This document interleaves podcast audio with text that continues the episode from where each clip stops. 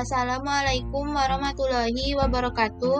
Perkenalkan nama saya Nastasia Febriana Sari Nuryanti dari Prodi Rekayasa Pembangkit Energi semester 3 kelas B dengan NIM 4232001044. Podcast ini memenuhi tugas mata kuliah kewarganegaraan oleh dosen Bapak Miftaudin. Pada kesempatan podcast episode kali ini, saya akan mencoba mengenai bagaimana cara meredam kegaduhan demokrasi di Indonesia. Tentunya setelah reformasi berjalan lebih dari 17 tahun, kehidupan demokrasi penuh dengan kegaduhan politik.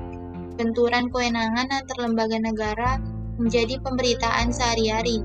Ketika setiap institusi lembaga negara berlomba memperkuat kewenangan diri sendiri dan menegasikan kewenangan lembaga lain, hingga terjadilah rivalitas kewenangan yang melahirkan konflik antar lembaga negara.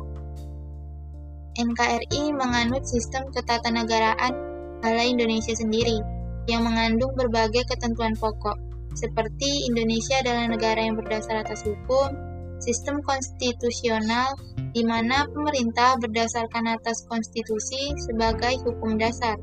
Kekuasaan negara yang tertinggi berada di tangan MPR sebagai penjelmaan dari seluruh rakyat Indonesia dan beberapa kunci pokok lainnya. Atas kedudukan ini, MPR merupakan lembaga negara tertinggi dengan salah satu kewenangannya adalah menyusun GBHN. Seluruh konsepsi tentang sistem pemerintahan negara yang dirumuskan dengan sangat baik oleh para pendiri bangsa merupakan sistem yang paling sesuai dengan kepribadian bangsa Indonesia.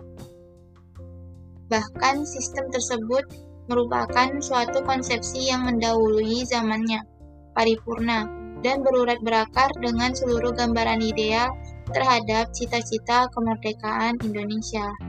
Lalu, upaya mengatasi kegaduhan politik itu seperti apa?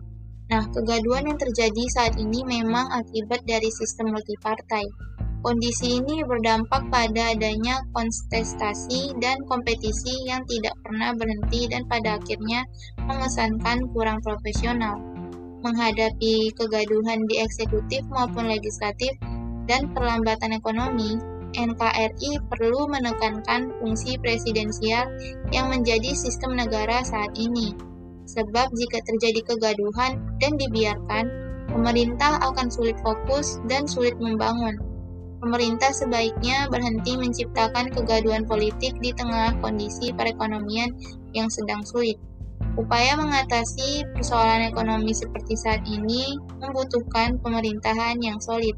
Kegaduhan terjadi semata-mata karena lemahnya koordinasi di pemerintahan, sehingga berbagai konflik internal muncul ke publik.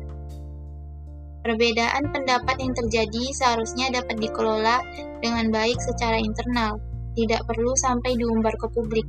Dan ini penting karena pemerintah sedang menargetkan untuk menjaga optimisme di kalangan pelaku ekonomi.